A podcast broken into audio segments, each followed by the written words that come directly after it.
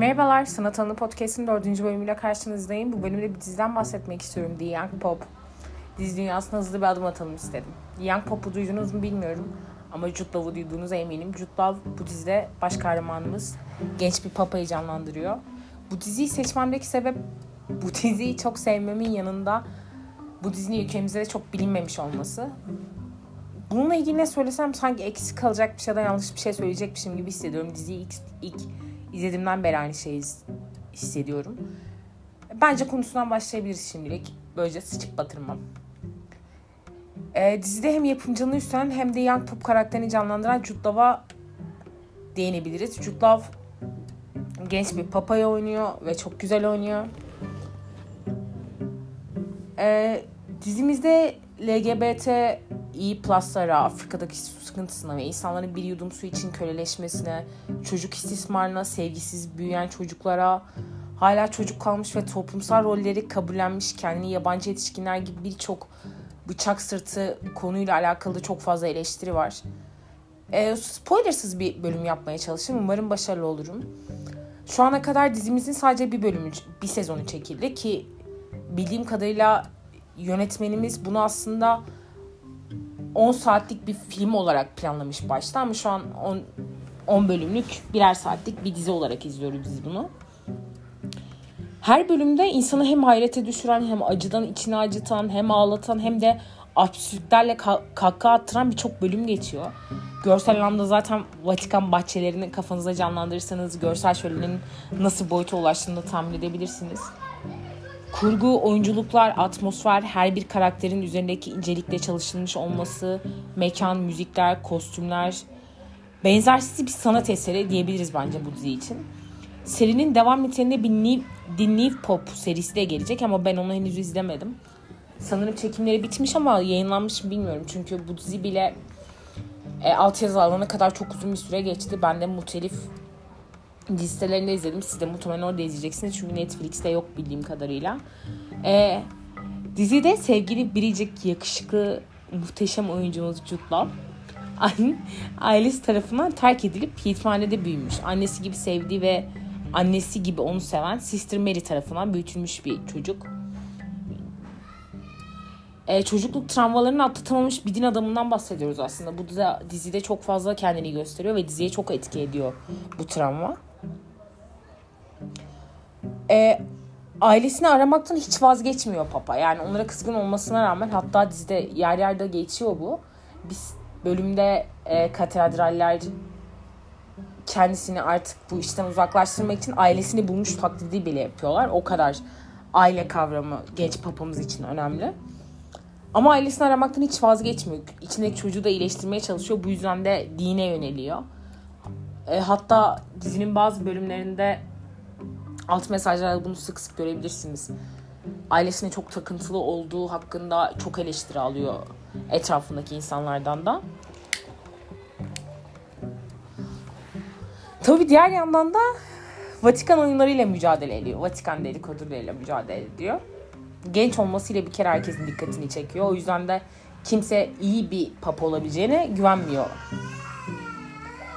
İnançları konusunda da aslında bildiğimiz papalar gibi değil papamız. Hatta dizinin bazı bölümlerinde ateizme bile yaklaşıyor. Çok radikal bir karakter.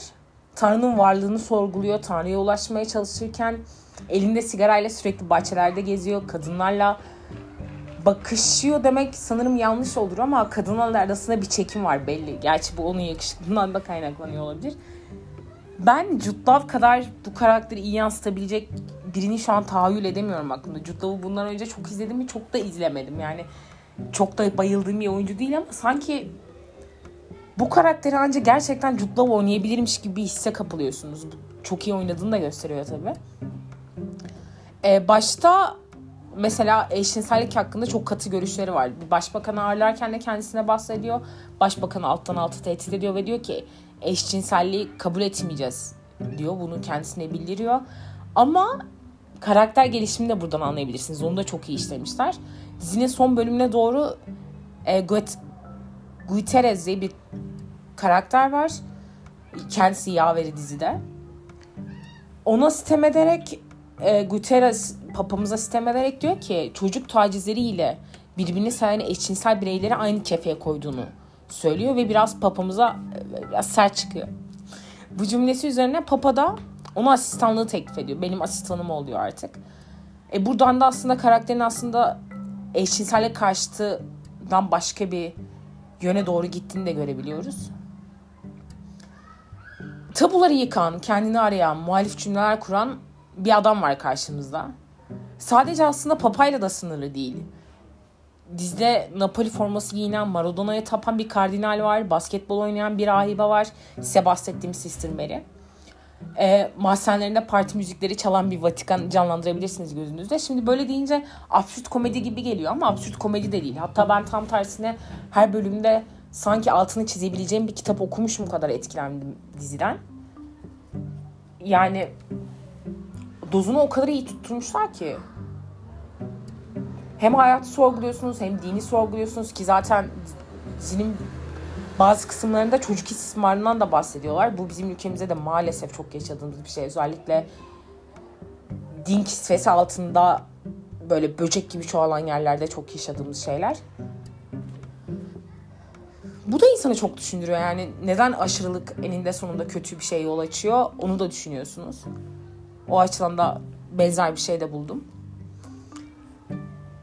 Genç ve kendini beğenmiş bir insan Jude Law. Oynadığı karakter daha doğrusu Papa. Lenny bu arada papamızın adı.